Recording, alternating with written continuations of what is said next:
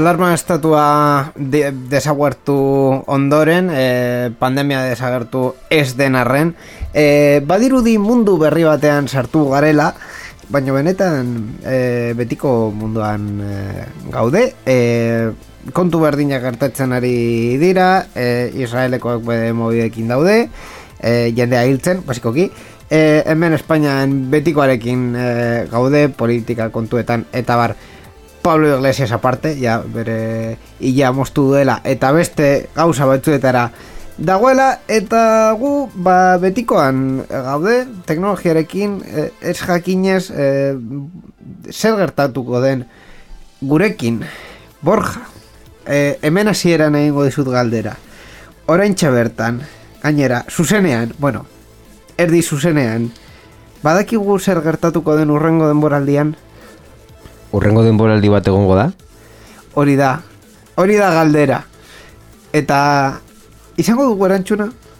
Bueno, Gaur- bizi, bizitza oso, oso motza da. Disfrutatu momentua eta ja ikusiko dugu zer gertatuko den urrengo hilabetetan. Gaur, laugarren milenioan, zarean zaren denboraldi berria. Misterio bat, izango da. Baina ez da misterio bat izango, gaur egingo duguna. Ordu baten bueltan gutxi gora bora, teknologiari buruz hitz egingo dugu, eh, azken saioetan egin dugun bezera konkretuki, azken irureun tamazazpi saioetan. Horragoaz, zarean zehar.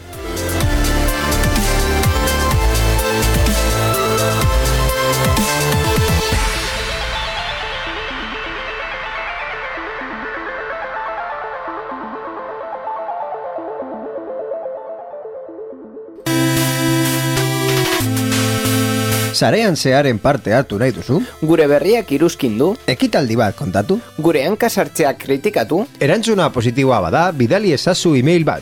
info abildua sareanzehar.eus gure whatsappa 6 sortzi sortzi 6 sortzi 00 sortzi bederatzi da. Telegram ere daukagu, 6 sortzi sortzi, 6 sortzi 00 sortzi bederatzi.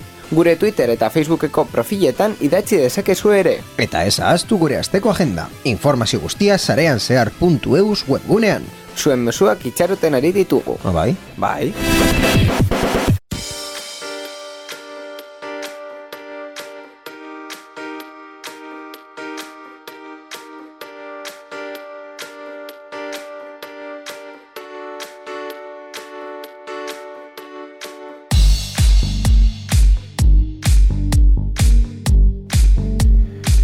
Borja, etorkizunari buruz hitz egiten, orain bertan konturatu naiz, em, le, justu orain entzun dugun jingle horretan, esaten zuela, eta esagaztu gure asteko agenda. Duela bi urte, bueno, bi urte ez, i, urte bat eta piku ez daukagula ekitaldirik, orokorrean. Bai, bueno. Bueno, egia da, eh, azken egunetan, uste dut, eh, asteburu honetan, eh, Gipuzkoan konter, Gipuzkoan konter, ez, Araben konter ospatu dela, baina online izan dela, eta oh, gure gure ekitaldien zerrende, zerrendan ez dela, ez dela sartu egia esan da. Bai, guretza encounterrak online izatea, bueno, ba, lehenengo aldian pizkat grase esan zuen, e, Gipuzkoan konter horrekin etxan geratu edizion eta nahi dozun guzia, baina hortaz aparte ja, eske, bueno, e, ne, nekatu egin garela esan daiteke, baina eske ja nekatua, ne, nekatu ginen lehenengo momentuan ja, eh, jadanik,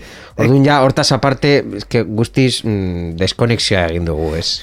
Que ya, eh, mm, egonda bi jabete gutxo gora bera etxean, nekatu, asko nekatu ginen eta ustaian els, eldu zenean eh, Euskal Enkonterra, ba, bueno, eh, pff, en fin. Eh, mm, enkonter, enkonterri buruzko kasuan itxegin da gainera, eh, nire irudia da, eh, gero eta ekitaldi prefabrikatuagoak direla. Hau da, e, e, mesedes e, inorez haserretzea nire, nire iritziarekin, baina kasu da, e, lehene e, Gipuzkoan konter eta Araben konter bat e, mamian gauza berdina ziren, baina e, ekitaldi ezberdinak ziren batetik non ospatzen zirelako, eta bestetik ba, ekitaldi bakoitzean e, gauza ezberdinak e, agertzen zirelako eta bar.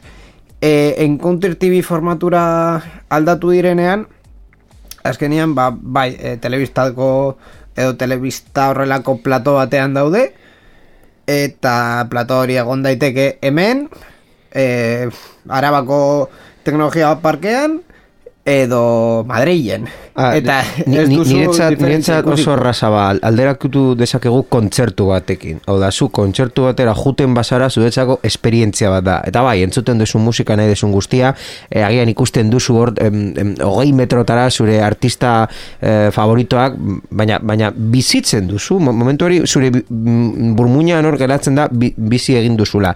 Eta mm, kontzertu berdin-berdina ikusten baduzu gero telebistan, edo, edo YouTubeen, edo na, Twitchen, edo nahi, nahi lekuotan, Bai.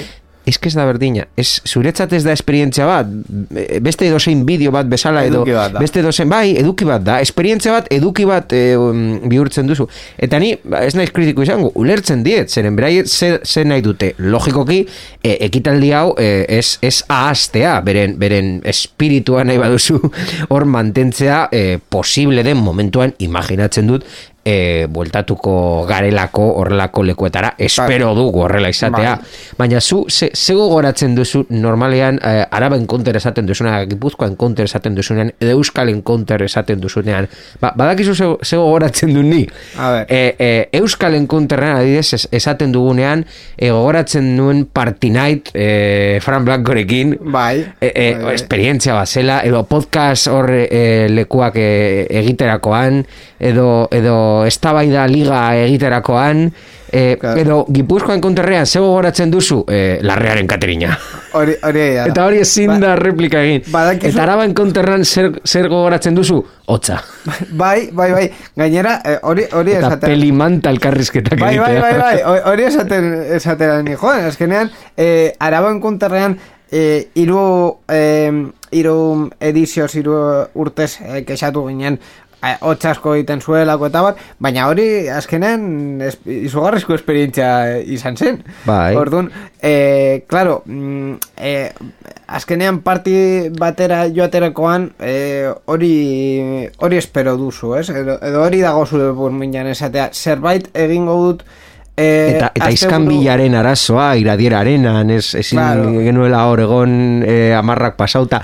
Hori gogoratzen duzu, zer, zer e, ordenagailuarekin zer egin zenun, ez duzu gogoratzen. Ni ez du gogoratzen, ba, ba, ba, ez dakiz zen e, joko jokatu nituen, edo e, no, non interneten sartu nintzen, edo zein deskarga, edo pelikula, edo partekatu nituen mm, horra dizkiekin. Ez du gogoratzen. Claro. Eta ez zait importa. Ni, ni uste dut eh, Edo duela- kanpaina den da nor e, e, lo egiterakoan, ze, ze mm, hotza egiten zuen hor e, kanpoan.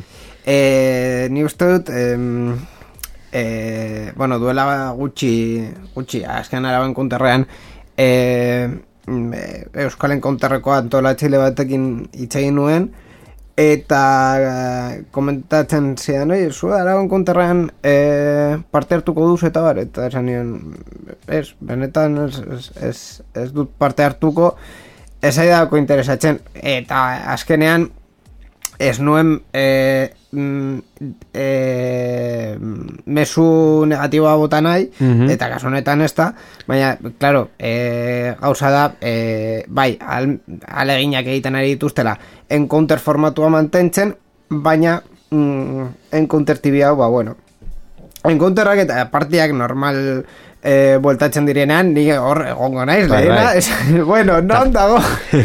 nire akreditazioa. Baita ere esan behar da hori gure esperientzia bat dela, beste norbait, eh, agian ba, gustatuko zaie horrelako gutxienez eh, esperientzia mantentzea online formatuan, ba, bideojokoa jolasten, eh, horrelako internet eh, konexioarekin, eta ja, eta horrek, ba, bueno, zerbaitek egiten die, niri ez, baina bueno, eh, respetua eta noski eh, pertsona horiek eh, beren saiakera da partia mantentzea. Claro. Eta hori, ba, mm, baita ere, eskertzekoa da.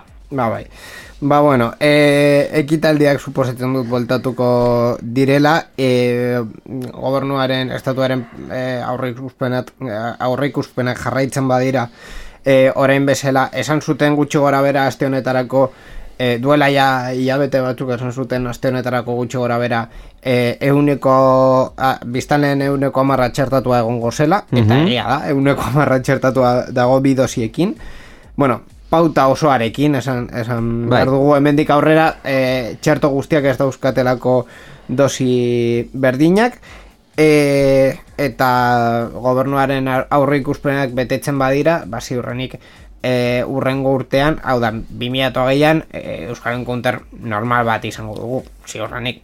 Baina, bueno, de momento itxaron behar dugu. Puntu eta parte bat eginez beste gauza bat esan nahi dut. E, Bai. Ja e, ikusten denboraldi hau bukatzen ari dela eta Bai. hurrengo denboraldia negoziatzeko e, nik e, baldintza bat jarri nahi dut. Ze behar duzu, soldata bikoiztuko dizu. Ez, ez, soldata utzi, ez, ez zait importa, ez zait, in, inoiz ez zait Ez que importa. zeroen bikoitza zen- Ja, ja, be- bai, bai, bai, hori- hori bet- betiko txantxa da, ez. Bai. Eh, vale, eh, atalak ja, eh, ekitaldien atala ez naiz mm, jarriko bueltatzeko, eh, bideojokoen atala ez dakit nola montatzen duzu gaizkarekin etotzen den ala ez, baina mm, pausa musikala, zergatik utzi dugu pausa musikala bertan bera? Eh, Copyright, eh, Le- lehenik etorri eta da. behin Dena jarraian egiten dugulako eta begarren eh, YouTubeen Bueno, edo vale. Twitchen emititzeko Ja. mm, depende Bueno, zer vale, jarri nahi duzun Kendu eta jarri bakarri pod- podcast formatuan. Hau da, mm, vale, programa jartzen dugu normala eta gero, mm, ez dakit, Eh, Borja, sartu eta bakarrik hor- abesti bada. Horrek esan nahi du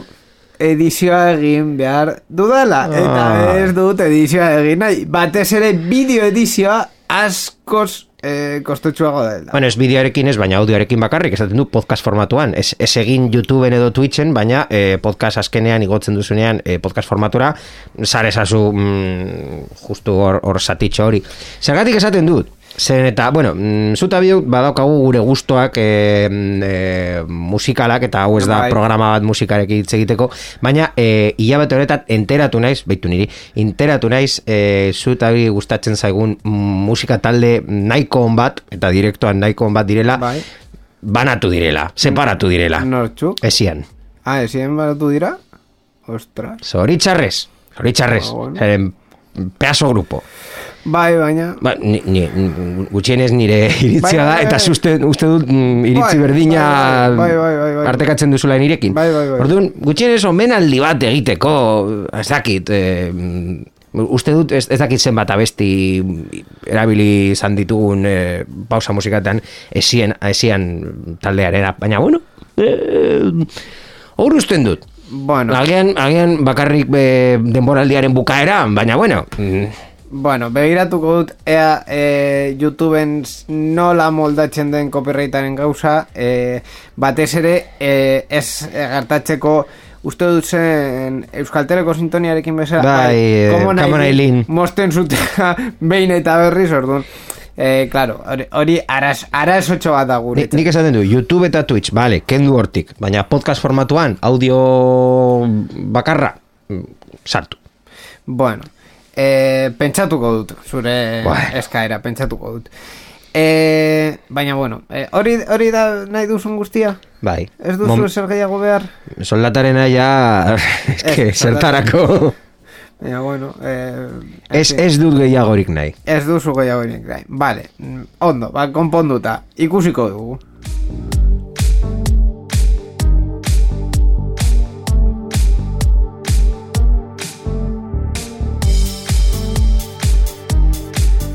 Teknologiari buruzko berrietara sartuz, eh, lehenengo berria, hemen daukaguna ez da oso oso teknologikoa, mm, baina bai, eh, kuriosa dela, eh, nola interneteko eh, dendetan funtzionatzen dituzten gauza, gauza batzuk.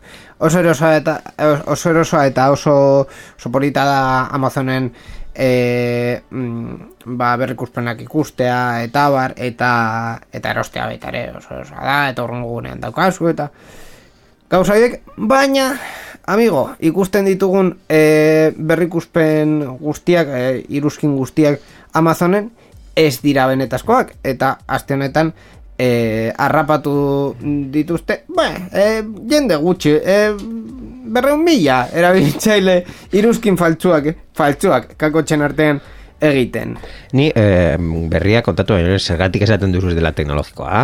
Ba, Hau da, mm, Amazon, mm, internet, em, erosketak, em, denda, denda elektroniko batean, a- eta erreseina bai. ustea, eta datuak ja filtratu dira baita ere interneten bidez. Bai, baina kontua da, ez... Amazon ez da teknologia. Bai, a ber, teknologia da, bai, baina kontua da, e, hau gerta daiteke e, beste eremu batzutan ere.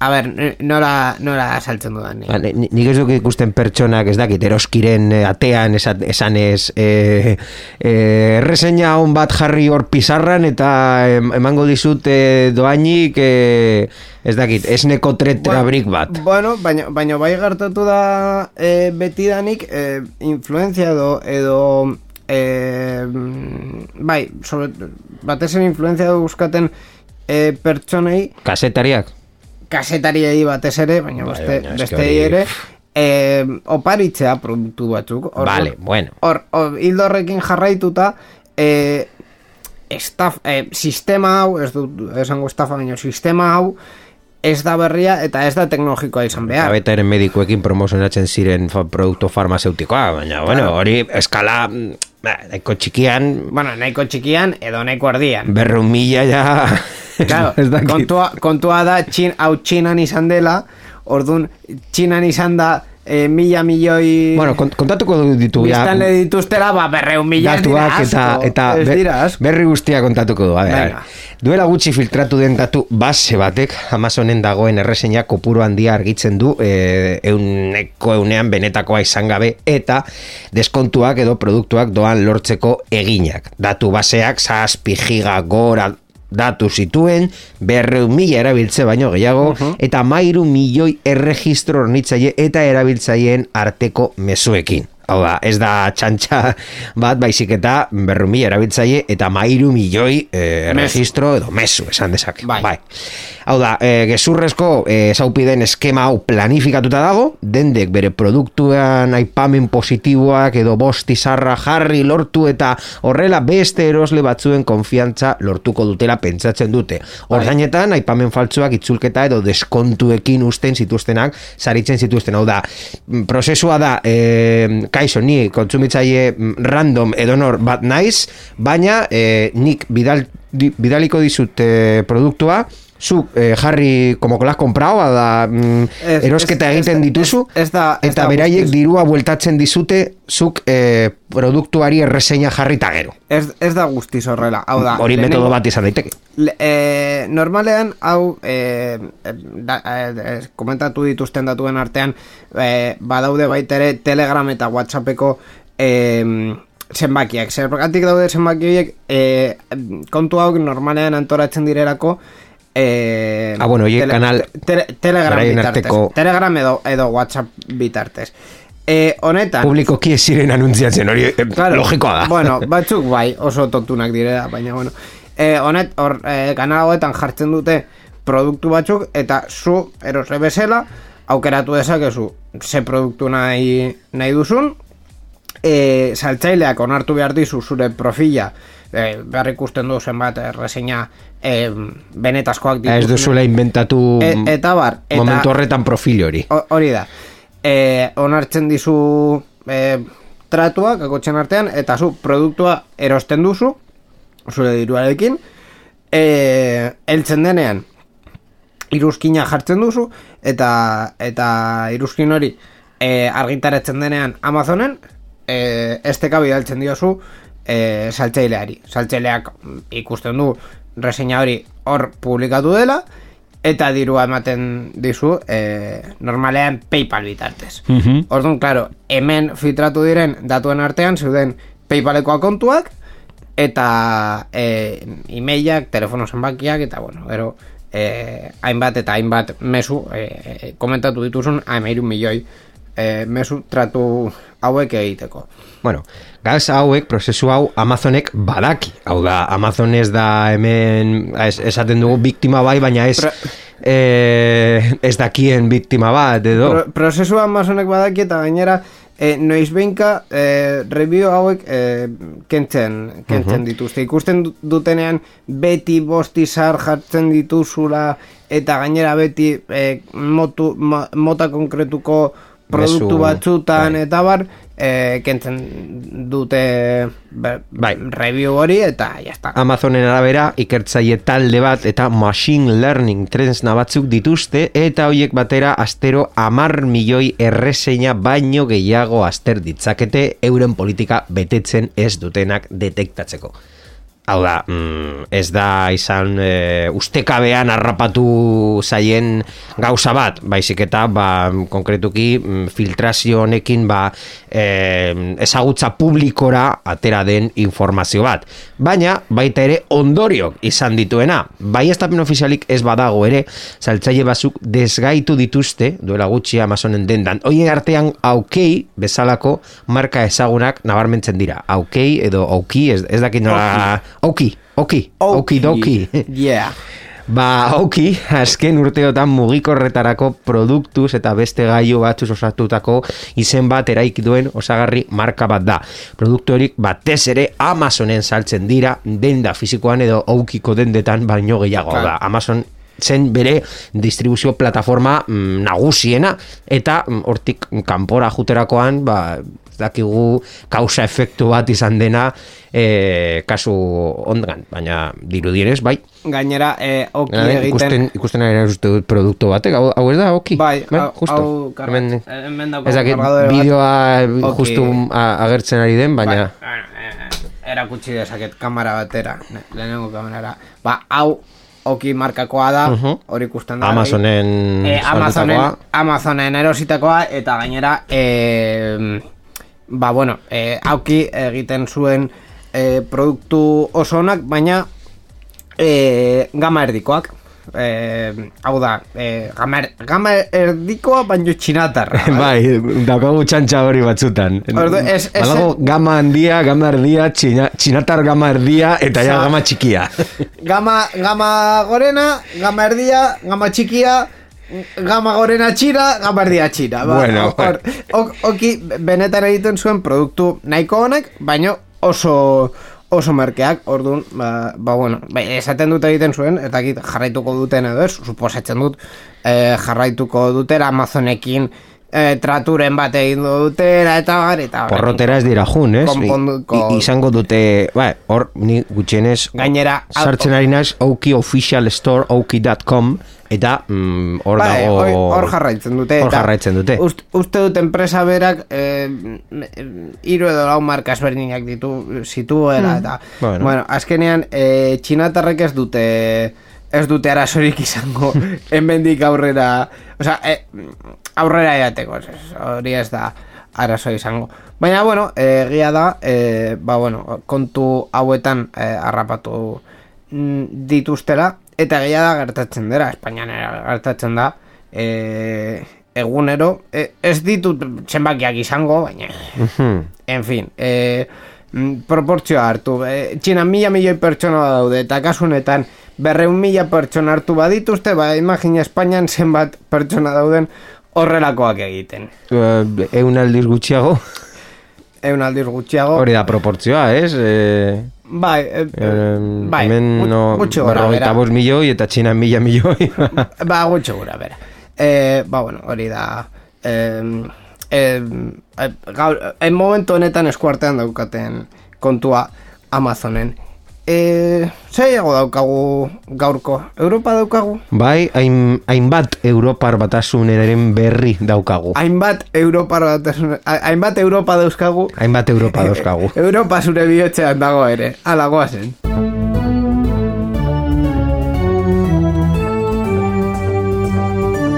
Europar batasunaren berria. Sarean zehar. Ba, hainbat Europa dauzkagunez, Europar batasunaren berri mm, bat baino gehiago egingo dugu, eta lehenengo honetan ez dugu eh, Amazon, eh, Amazon alde batera utxiko baita ere protagonista izan delako e, Europar batasunaren kontuekin. Bai, gure famatua Margaret Bestetxer bazirudien dena aldean zuela 2000 eta amazazpiko urrian, hau historia horrela hasten da. 2000 eta amazazpiko urrian, iragarroi zuen Amazonek berreunda berrogeita mar milioi euro ordaindu behar zizkiola Europar batasunari atzeratutako zerga gisa. Halere, Amazonek Europako gortetako apelazioa irabazi du eta ez diru eh, ez da ez du diru hori ordaindu beharko. Alderantziz, beste aurrekari bat du APLek 2000 eta hogeiko ustailean irabazi zuen beste apelazio bat Irlandan atzeratutako zergetan amairu mila milioi euro inguru ordaintzea ekidin zuena. Kasu hartan ba, apeleri Irlandaren estatu laguntzak aprobetsatzea leporatzen zitzaion baina Amazonen aurkako epaiketan Luxemburgon oinarritutako kanpainia bat erabiltzagatik salatu zuten. Orduan, Irlanda, Luxemburgo, baina dakegu hor non daude zergak eta laguntzak, ba, 2000 eta tik barkatu, bibia eta zeitik, bibia eta malaura, Amazonek royalty esanguratzu batzuk ordaindu zizkion enpresa horri, Amazon Europe Holding Technologies SAS izenekoa, eta horrekin, ba, bere diru sarrerak eta moskin operatiboak murriztea lortu zuten. Hori, eh, esan dugun bezala, bibia eta mazazpiak, ba, aterazen eh, komisario Margaret Bestetxerrek esateko hori ilegala zela, eta Amazon esan zuen ba ez eta Europako gortera eramango zaitut. Eta Europako mm, ausitegi gorenak esan du eh, ez dela ilegala. Eh, bueno, ba oso ondo Orduan, aurrezkiak beregintzako. Bai bai, hori argi dago.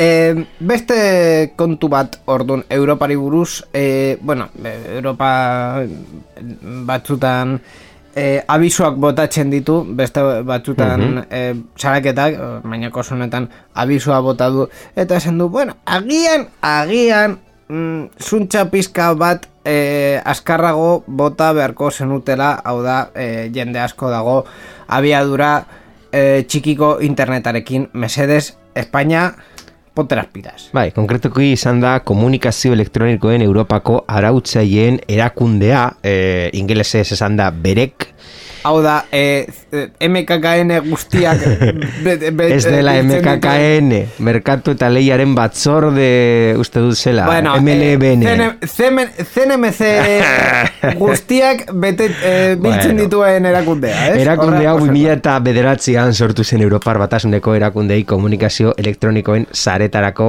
barne merkatuaren garapenari buruzko Aholkularitza emateko. Eta, ba, mm, zenbait mm, Pintzelada eman ditu Estatu kideetan zuntzoptikoaren edapenaren orainari eta etorkizunari buruz.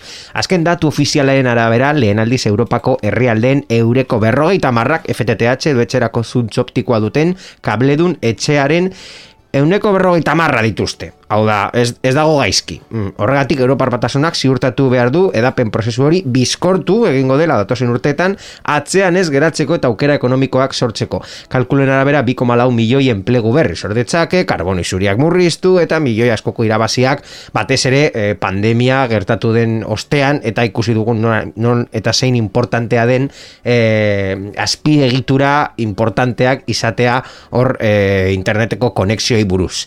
Orduan, e, interbentzio honetan, e, erakundenen zeok hitz egin du, Europa arau esparru bat hartzen ari dela, hori guztia posible izan dadin, gainera, mm, badaki sektoreak neurri berriak eskatzen dituela kostuak murrizteko, ekonomikoak, burokratikoak, eta edapenarekin zerikusiaik dutenak. Azkeni gogorazi du, FTTH askar edatzea, funtseskoa izango dela, bos gea baita ere, Askar, edatzeko teknologia honek zuntzo behar du urrunago iristeko eta biadura edo latentzia mailan bere potentziatik handiena eskaintzeko.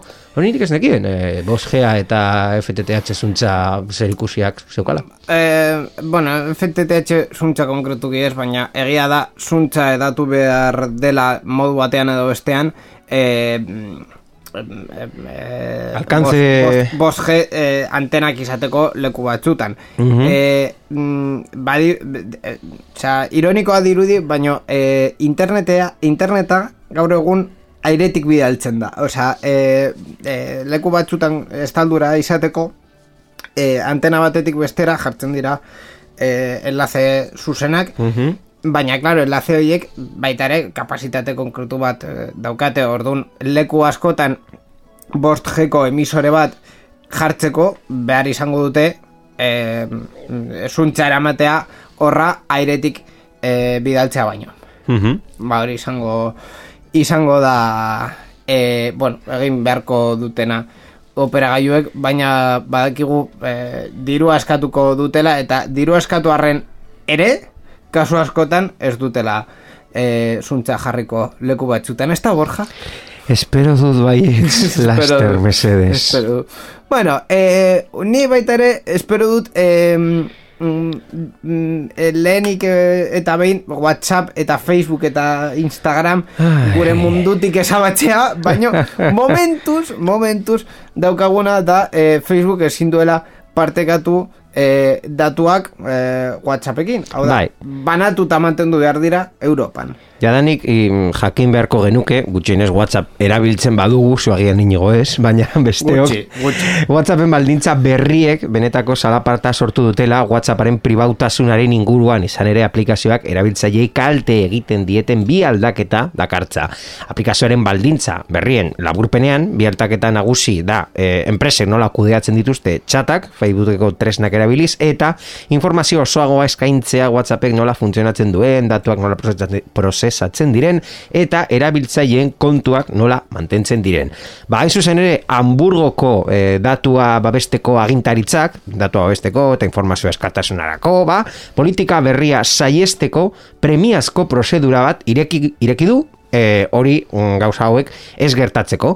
Eta e, hor dagoen e, pertsona deitzen dela Johannes Kaspar Facebookeko ikerketaren arduraduna izan da Alemanian eta Whatsappen baldintza berriak hiru hilabetez blokeatzeko ahalmena dutela esan du. Gainera Europar batasunak erabakia Europa mailan aplika desan saiatuko da. Datua babesteko Europa batzordearen bidez. Foro hori Europar batasuneko hogeita zazpi estatu kudeat- eh, kidetako datuak babesteko talde arautzaiet osatuko dute. Orduan, e, iniziatiba hau Alemania nola hasi denez saiatuko dira beste herrialdetara heltzeko. Ba, bueno, eh, mm, ze ze gertatuko da orokorrean? Que, bat batean, eh, etorri zaite galdera, ze gertatuko da orokorrean eh, Whatsapperi esaten badiogu esetz gera zaite zu- zure etxean eta, eta esaten badiogu esetz eh, baldintza berriei. Ba, hori kontatzeko uste dut beste berri bat behar dugula. Ba, ba, ba, kontatuko du, beste berri horrekin. Ba, bueno, um, lehenik, eh, bueno, noiz hasi den, noiz hori guztia uste dut, eh, urtearen hasieran, eh, otzailean jakin genuela lehenengo momentuan, eta mm, batez ere, mm, dena kudeatu behar zen, e, zazpi sortzi amar egunetan eta e, a, Whatsappek e, aurrera pausu bat eman zuen eta esan zuen, bueno, itxengo dugu, itxengo dugu, e, ja, e, maiatzaren amabostera arte ez dugu eser egingo eta e, ja, maiatzaren amabostean ez badu sonartzen gure baldintza berriak, ba, hor bai, e, ja, Whatsapp ez du funtzionatuko, baina Whatsappek berri ere atzera egin du erabilera termino berriak onartzen ez dituzten erabiltzaileei kontua bertan bera usteko erabakian. Baina pizgarri oso gaiztoak sortu ditu jendea konbentzitzeko. Demagun, termino eta baldintza berriak aplikatzen dizkioten WhatsAppeko erabiltze batek ez dituela onartu aplikazioan. Hala bada, aplikazioak aldian aldian oroigarriak bidaliko dizkizu. Hori lehenengoa. Hau da, gu gure aplikazioa badu- badugu e, eta sartzerako bakoitzean mezu bat jarriko da. Noizbehinka, eh, jarriko dizu mezu bat esan ez, bueno, eh, onartu. Eta zer, eta orain, eta orain, eta orain, eta orain. Bai, bai, bai. Eldu gara, eldu gara, eldu gara, eldu gara. Bai, horrelako zerbait, eh? Bai, onartzen duzu baldintzak, onartzen duzu baldintzak, onartzen duzu baldintzak, onartzen duzu baldintzak. Vale. Bueno, Ok. vale, erabiltzeak onartzen ez badu, ez da txaten zerrendara sartuko, baina jakinarazpenen bidez sartu ahal izango da. Hau da, zerbait bidaltzen badizute, sartzen zara. Baina ez badizute zer bidaltzen, ez zara sartzen. Ba, ba, ba, Banik egiten du dara. Ez badiate zer bidaltzen, ez da izartzen whatsappera. Bueno, termino berriak onartu gabe jarraitzen badu, aplikaziotik bideo deiak eta ahots deiak jasotzeko eta egiteko aukera murriztuko du enpresak. Ezin izango ditu egin ez da erantzun ere. Vale, oso ondo. Eta ja, iritsiko da puntu bat, ez dakigu noiz, baina non aplikazioak ez dute usten mezuak bidaltzen edo jasotzen. Eta beraz, faktoria izango litzateke konturik ez izatea. Hori bai, txatak eta datuak esportatu eta beste aplikazio batzuetara eraman ditzakegu beti. Epe horiek asteak izango dira, baina erabiltzaile guztiei esaie aldi berean agertuko. Gogoratuko du gauza bat, e, uste ja kontatu genuen pasaden, ez dakit zein programan. Telegram ja badauka funtzio bat, non zu esportatu alduzu chat guztia, WhatsAppen chat guztia, eta bakarrik uste dut bi toke eman behar dituzlan ila frogatu dut, Bai. zure e, chat mugitzeko telegramera, da. E, badaukazu pertsona bat edo kontaktu batek ez, du, ez duzuela inoiz erabili telegram hitz egiteko, ez keskatu. Zure chat, pin, pin, pin, eta ja, telegram daukazu historial guztia.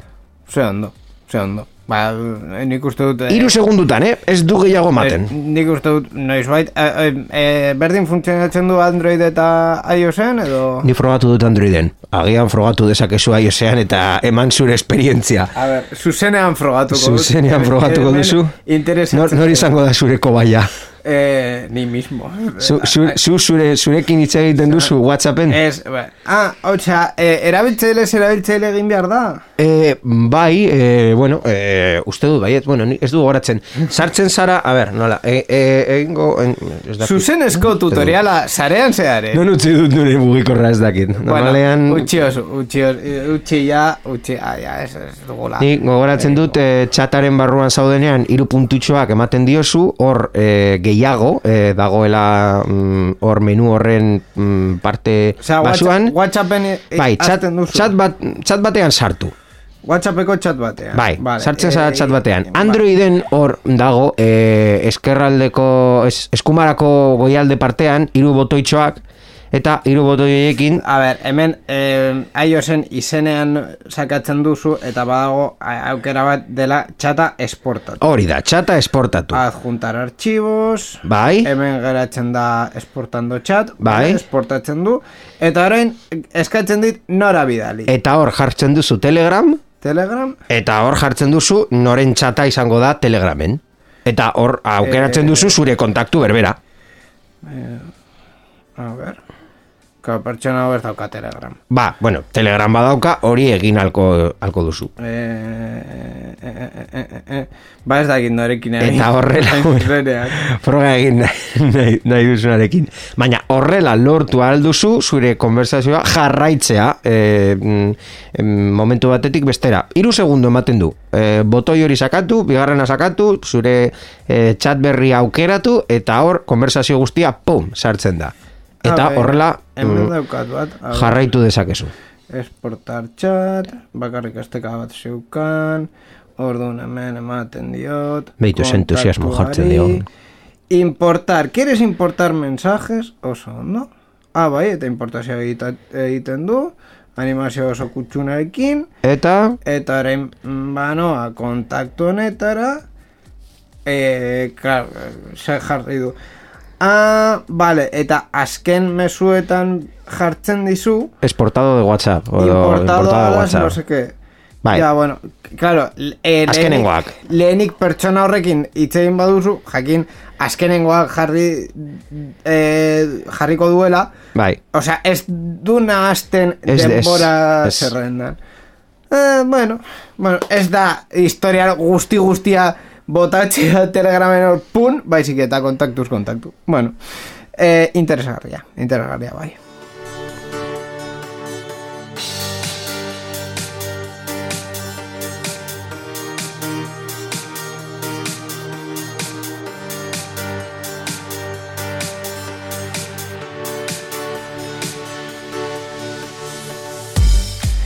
E, berri askarretara joan baino lehen, e, berri, bi berri gehiago komentatu ditu, komentatuko ditugu ez hain askarrak, lehenengoa izango da e, Republika Mobil ekainean batuko dela simiorekin. Mhm, bai, datorren hilean izango da, zehazki ekainaren amaikan, baina operagailu mugikor virtual hau dagoeneko jakinarazi die erabiltzaileei Bai. nola egingo Bai. den prozesua eta zer abantaia ekarriko dituen aldaketak.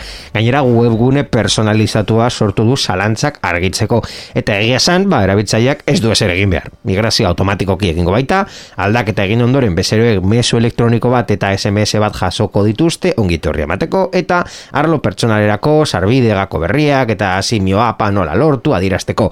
Bertan, bere lerroen setasunak ikusi izango dituzte eta haiekin letutako guztiak kudeatu. SIM txartelak eta routerrak berdinak izaten jarraituko dute ez dira aldatu behar. Sí.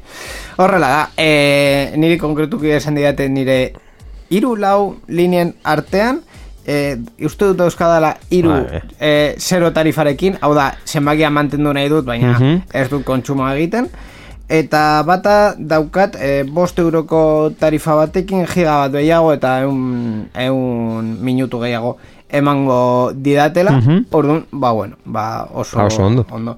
E, beste parte batetik, 0 amazazpia, Telegram eta Whatsappen daukagu jadanik. Bai, doako zenbaki hori 2008ko txailean kaleratu zen, zibersekurtasunari, pribautasunari, konfiantza digitalari, erabilera seguruari eta internet eta teknologiaren arduradunei buruzko zalantzak argitzeko helburuarekin. Zenbakiak arreta eskaintzen die enpresei, herritarrei, gurasoei, adingabei eta ezitzaiei.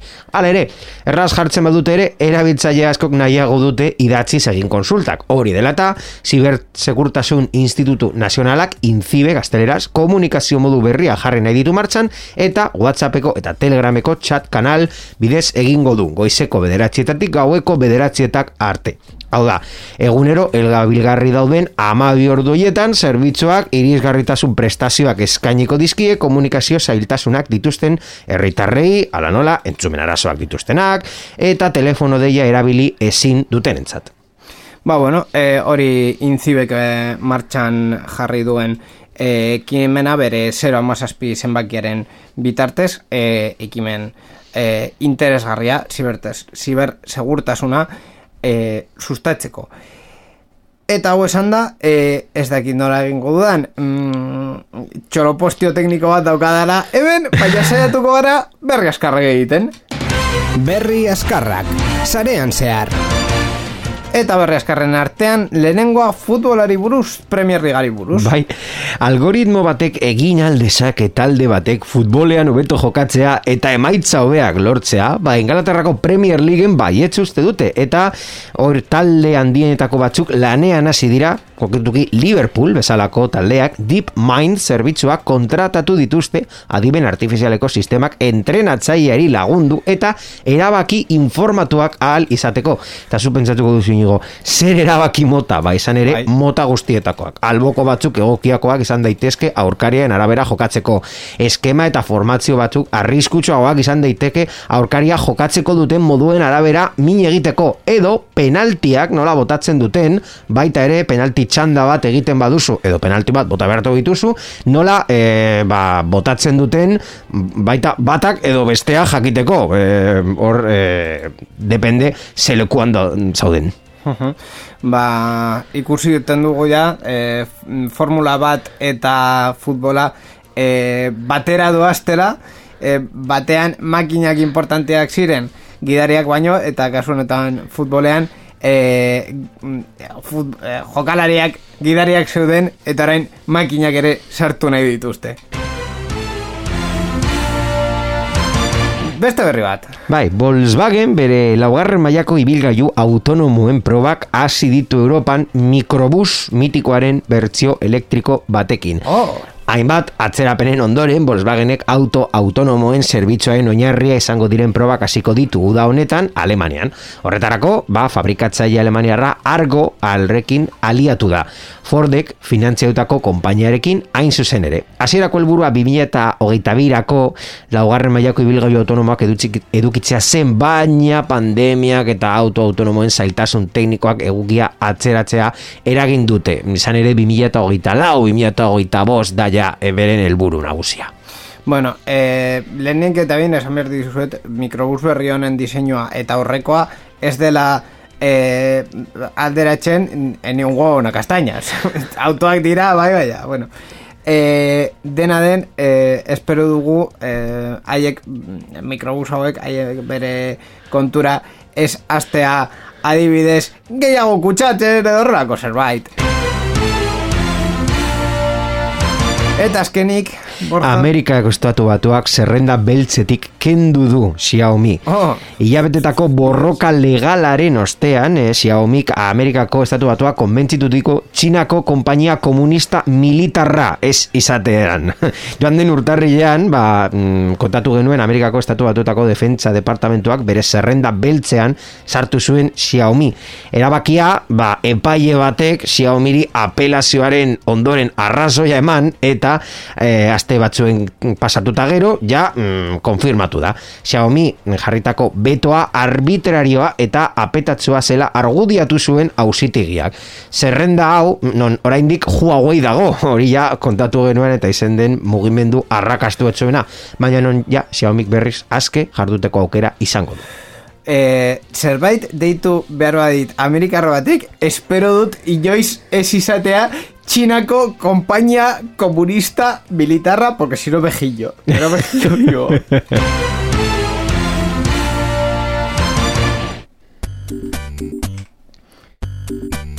Titulol.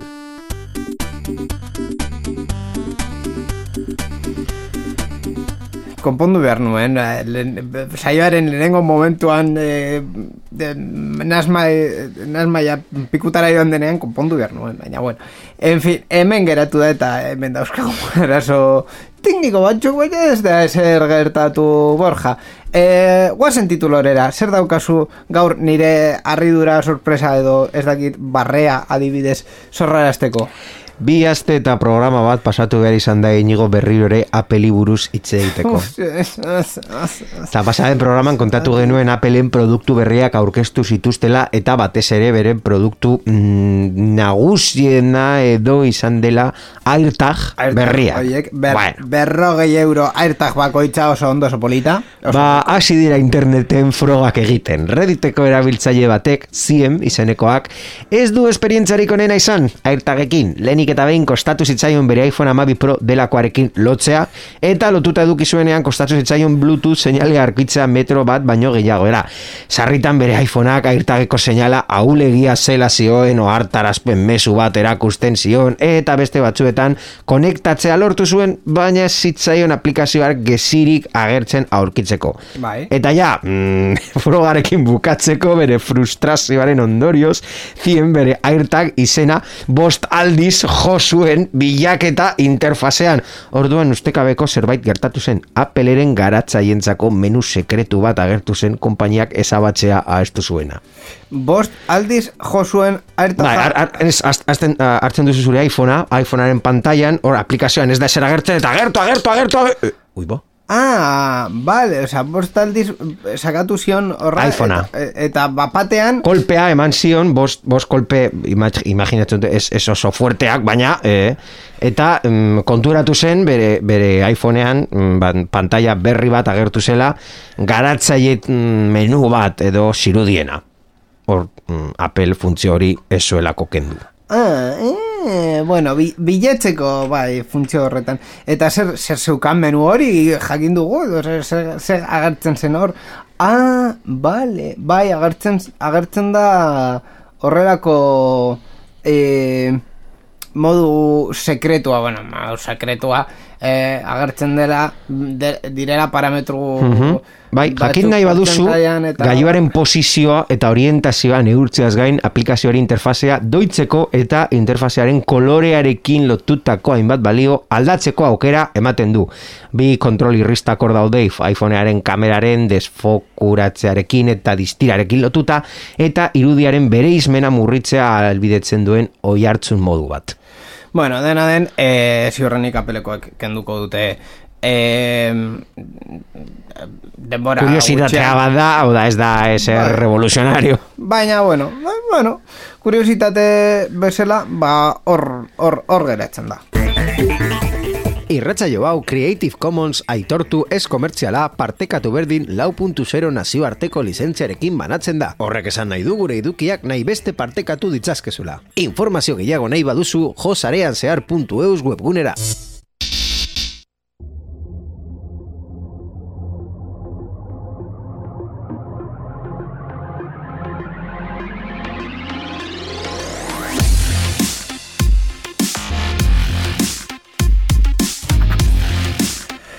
Borja, bukatzeko kontu bat e, kontatuko dugu ez, e, ezin dugula e, duguna garatu, batez ere orain bertan gu grabatzen ari dugunean gertatzen ari delako, baina e, badirudi e, e, Twitch plataforma e, bertan bera geratu dela e, Espainian, e, bueno, webgunea bera ez, baina e, egia da ez direla streamak, e, ezin direla streamak e, ikusi bideoak ezin direla ikusi, eta badirudi hau e, epaile baten, erresoluzio baten ondorio bat izaten ari dela.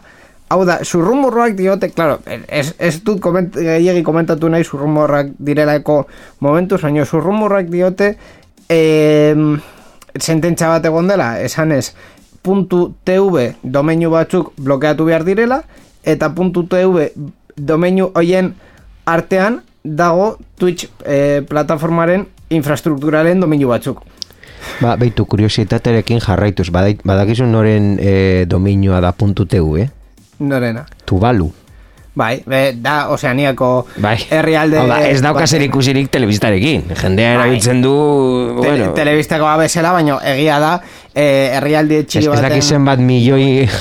asko. diru sarrera. Diru asko egin dute bere domenioarekin eh, por pura suerte, baina e, egia da .tv ez da domeinu empresarial bat, baizik eta domeinu geografikoa bat bai, bai, bai. Tuvalu Irlen eh, domeinu eta kasu honetan konkretuki Eh, Naiko kurioso den gauza bat. On, ondori hauek gertatzen ari dira. Bueno. En fin, ez, ez dakigu nola bukatuko den, ziurrenik programa hau argitaratzen denean, ja bukatu txat, eh, bai, bukatu ziurrenik, dera. Ziurrenik, bai. E, bueno, eh, kuriositate bezala, hori gusten dugu nola eh, epaiketen eh, desizio batzuk gero ondorio arraroak dituztela, batzutan, batzutan. En fin, Borja, onaino sarean zehar, hau, bi aste barru mm, gehiago, bi aste barru hemen egongo zara ere teknologiari buruz hitz egiten berriekin eta bar? Horrela izango da, hori espero dut, ordun entzule guzti hori eta zuri inori baita ere, urrengo programar arte. Ba, esan doko, eskerrik asko eta urrengo programar arte, baita, e, Mikel Camonari eskerrak eman behar diogut e, berrikuspen eta lan egon delako, eta zer, zer esan dut berrikuspen eta berrikuspen teknikoan egonderako eta baita ere irratien eta e, ir, jo, ez, ze, ze atasko daukadan. Gaur, irratien ekoizpen eta teknikari taldei gure entzulei ere, zarean zehar.eus daukagula webune e, webunea webunea daukagula ere gogoratu behar dizuegu. Eta jazta, eta ja hau e, bukatuko dut bi aste barru hobeto egingo dudalako irteera. Baina gaur, ez, eskerrik asko eta hurrengo arte, agur.